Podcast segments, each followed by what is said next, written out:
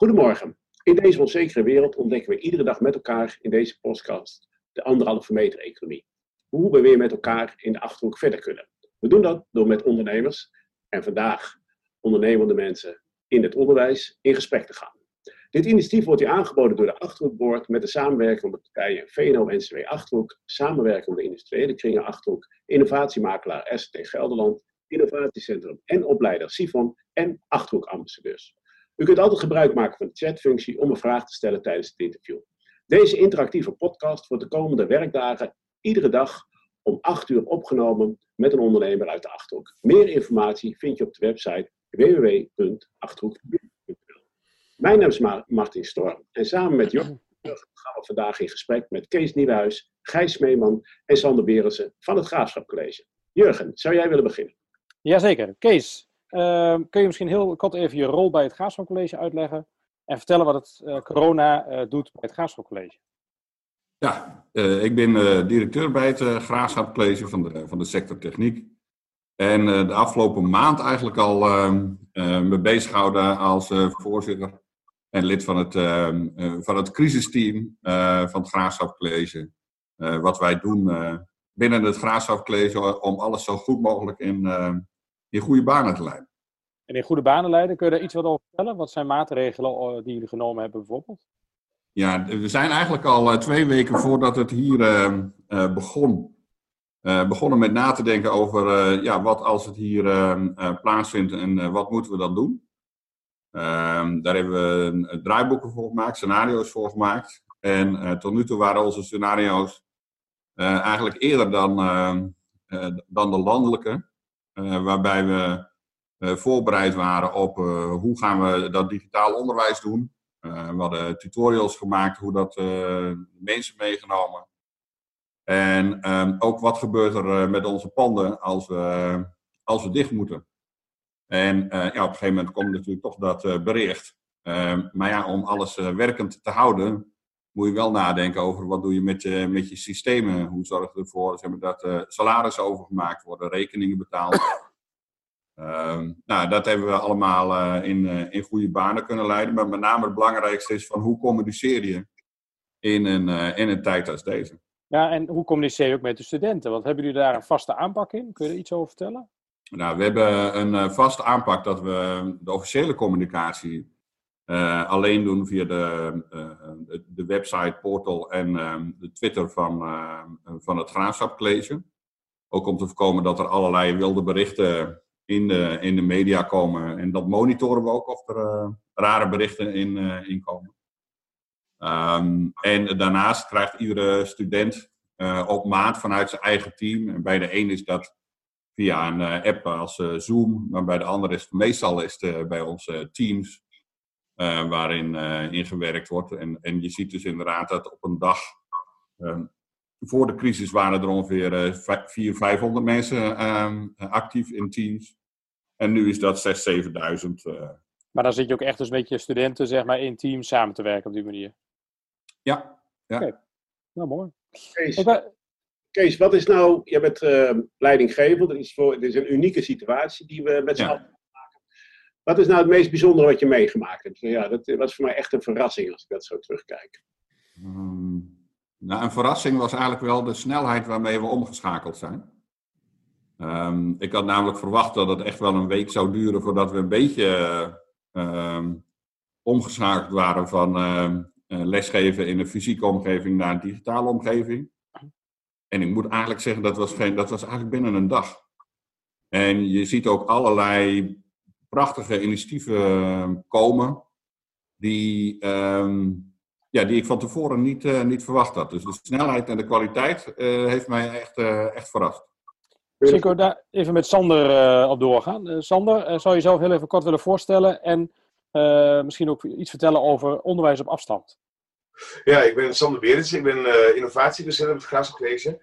En um, als innovatiedocent doe ik voor de onderzoek en kijken we ook weer naar naar onderwijskunde eigenlijk. Van hoe kunnen we nieuwe dingen inzetten binnen het graafscollege. En um, ondanks alle ellende die deze coronacrisis met zich meebrengt, um, biedt het onderwijskundig ook wel heel veel mooie kansen eigenlijk. En uh, wat Kees net ook al aangaf, um, is het ook wel heel mooi om te zien hoe snel ehm, eh, eh, al die digitale middelen worden ingezet in het, in het onderwijs. Echt te gek. En ehm, al jarenlang hebben we een soort programma, internationaal en nationaal. Het gaat over de 21ste eeuwse vaardigheden, die 21st century skills.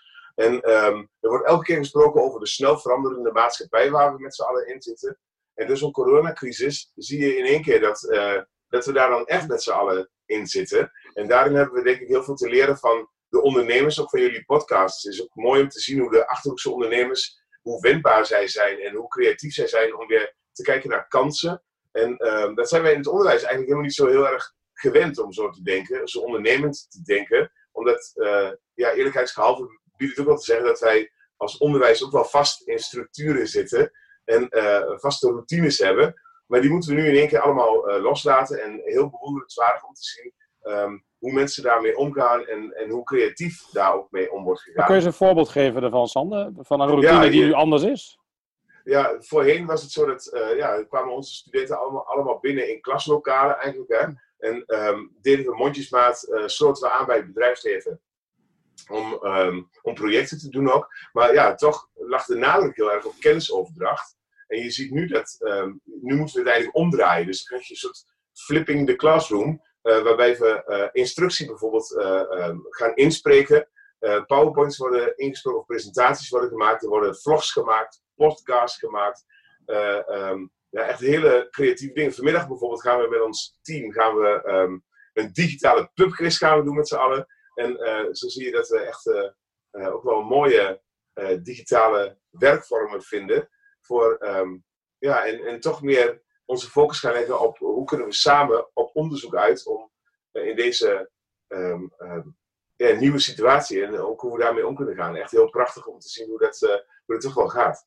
Nou ja, en je zegt inderdaad al, hè, ook uh, met het bedrijfsleven, je kijkt ook naar de, naar de ondernemers, zeg maar, misschien daarin. Hebben we het dan bijvoorbeeld dus over stages? Ehm, kun je daar iets over vertellen, hoe het daarmee gaat? Nou, misschien, ja. misschien Kees mag ook. Ja, dit is wel een, een, een goede, goede vraag. Wat we al, snel merkten was uh, dat er uh, veel uh, studenten terugkwamen. we hebben natuurlijk niet alleen te maken met techniek, maar ook met, met economische studenten, studenten uit de zorg.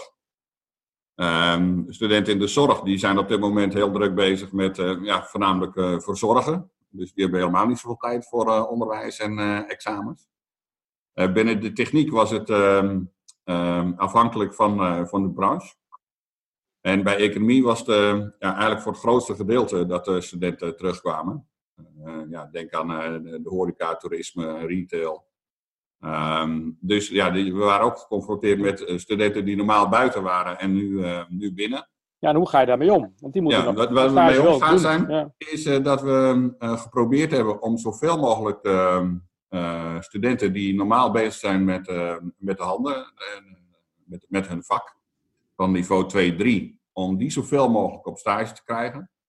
En de niveau 4 studenten um, zoveel mogelijk onderwijs te bieden, zodat die later hun stages in kunnen halen. En, en maar betekent dat, dat nu heel veel theorie en dan straks praktijk? Is het dan een ja. beetje dat de verdeling eigenlijk anders maakt? Ja, want anders dan krijg je dus dat een halve klas wel op stage en een halve niet.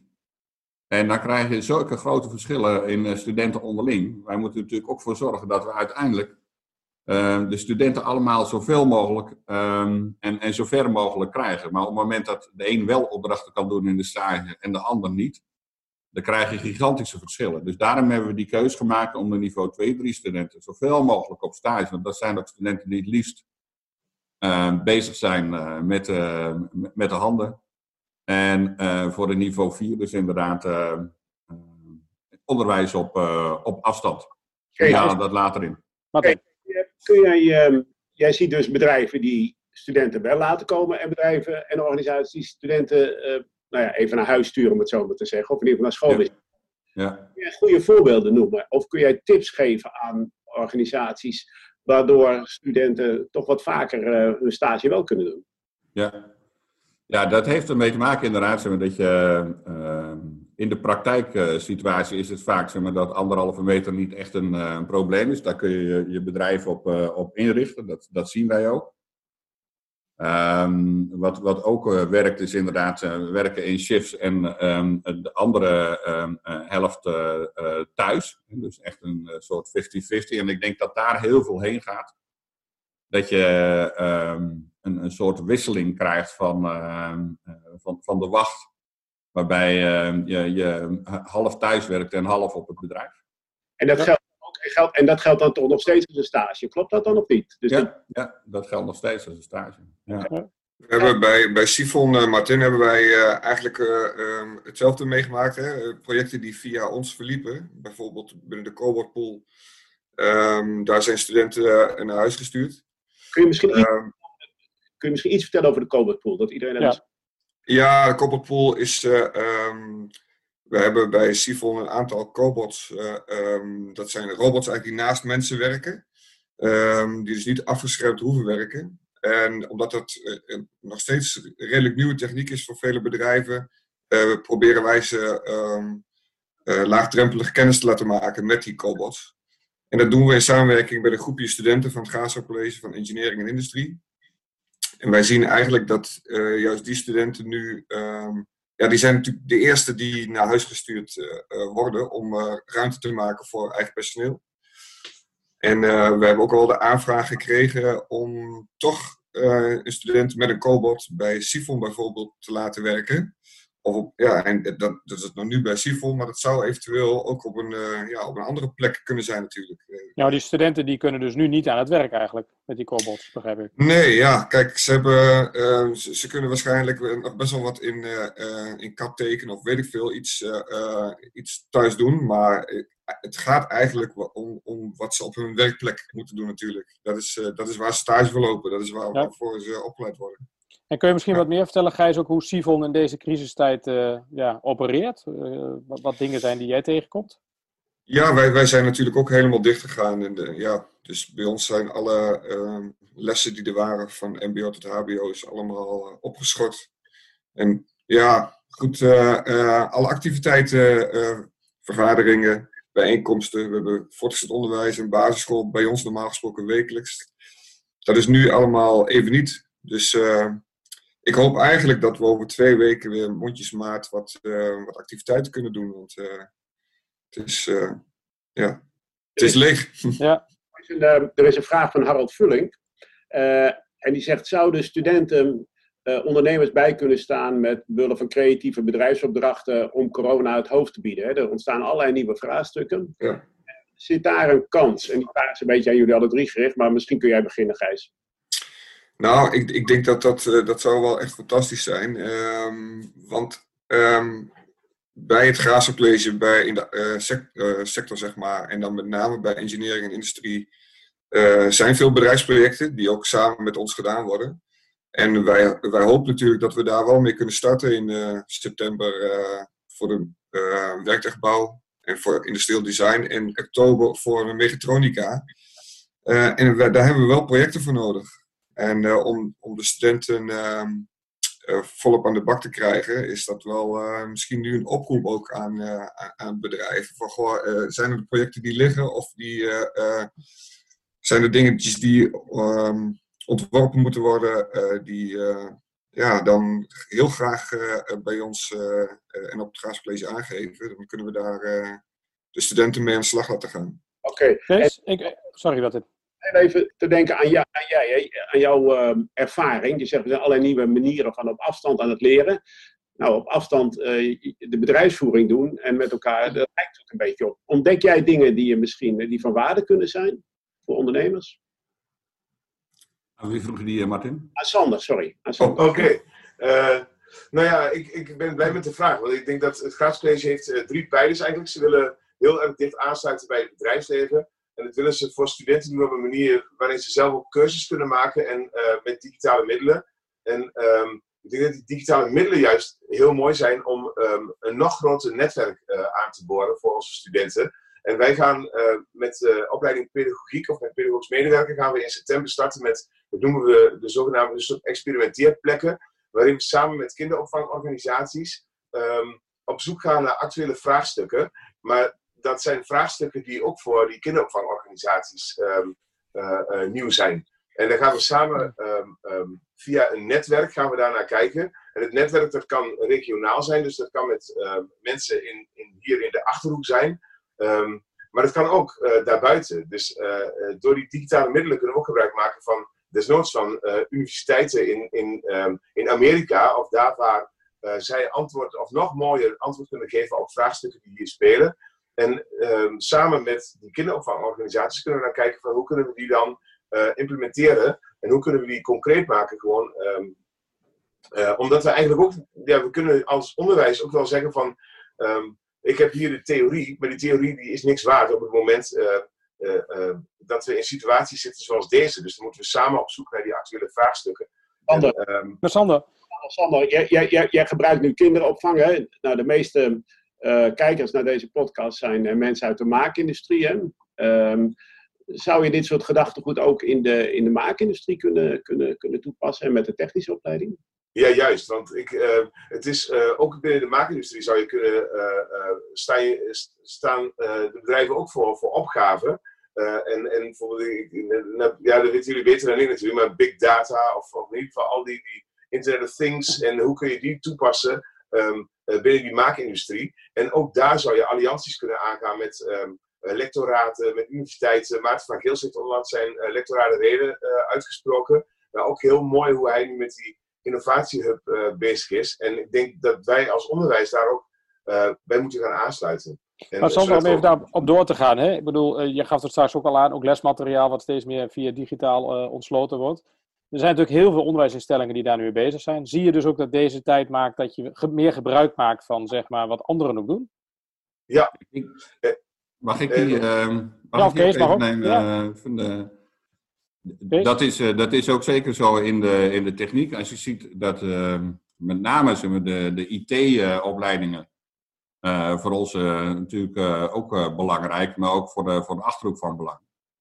Ja, die, die, die krijgen ook een enorme impuls. Die vinden dit zelfs prettig. De, de aanwezigheid bij IT is nu hoger dan normaal in een, in een En, maar wat bedoel je ehm, met prettige digitaal werken met elkaar? Dat is wat ze Ja, ja, ja.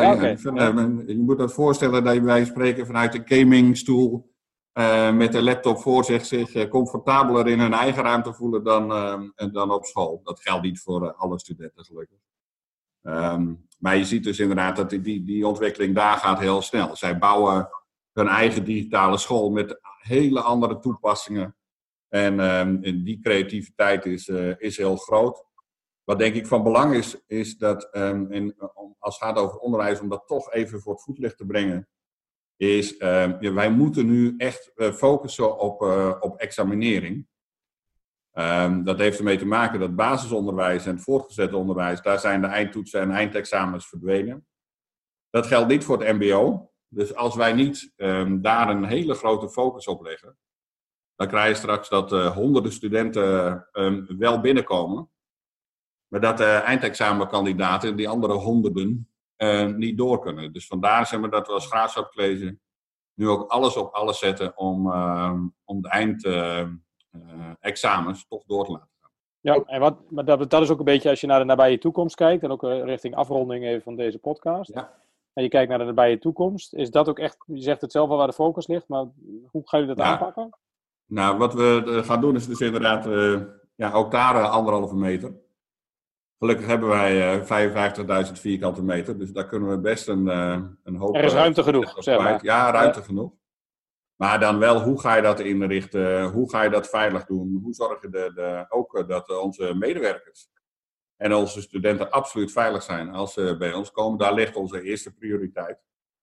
En dan uh, gaan we dus inderdaad kijken, en daar hebben we al pilots uh, hoe we dus inderdaad maar, de stromen niet alleen in een ruimte, maar ook naar die ruimte toe kunnen beheersen. Um, en dat is bij jongeren niet altijd makkelijk, want die, die komen toch graag samen. Um, maar uh, de, de, eerste, uh, ja, de, de, eerste pilot is zeer bemoedigend en, en, en, en, ik denk dat het ons gaat lukken. Dus de bedoeling is inderdaad voor de zomer dat de examens gewoon in principe netjes afgenomen zijn? Daar, daar waar het kan. Het zal niet overal kunnen, maar daar waar het kan, gaat het zeker lukken. Dankjewel. Hier denk ik dat we mee afsluiten. Kijk even Martin aan, want uh, we hadden volgens mij de vraag ook behandeld, dus hiermee sluit het af. Ik wil jullie heel erg bedanken in ieder geval voor jullie openheid, ook over hoe het onderwijs hiermee omgaat en de uitdagingen die jullie zeker hebben. Ook om inderdaad de studenten overal weer bij te betrekken. Examens die allemaal gedaan moeten worden. Ehm, ik wil jullie weer bedanken, ook de kijkers, voor het kijken naar deze podcast. En morgen om 8 uur zijn we er weer.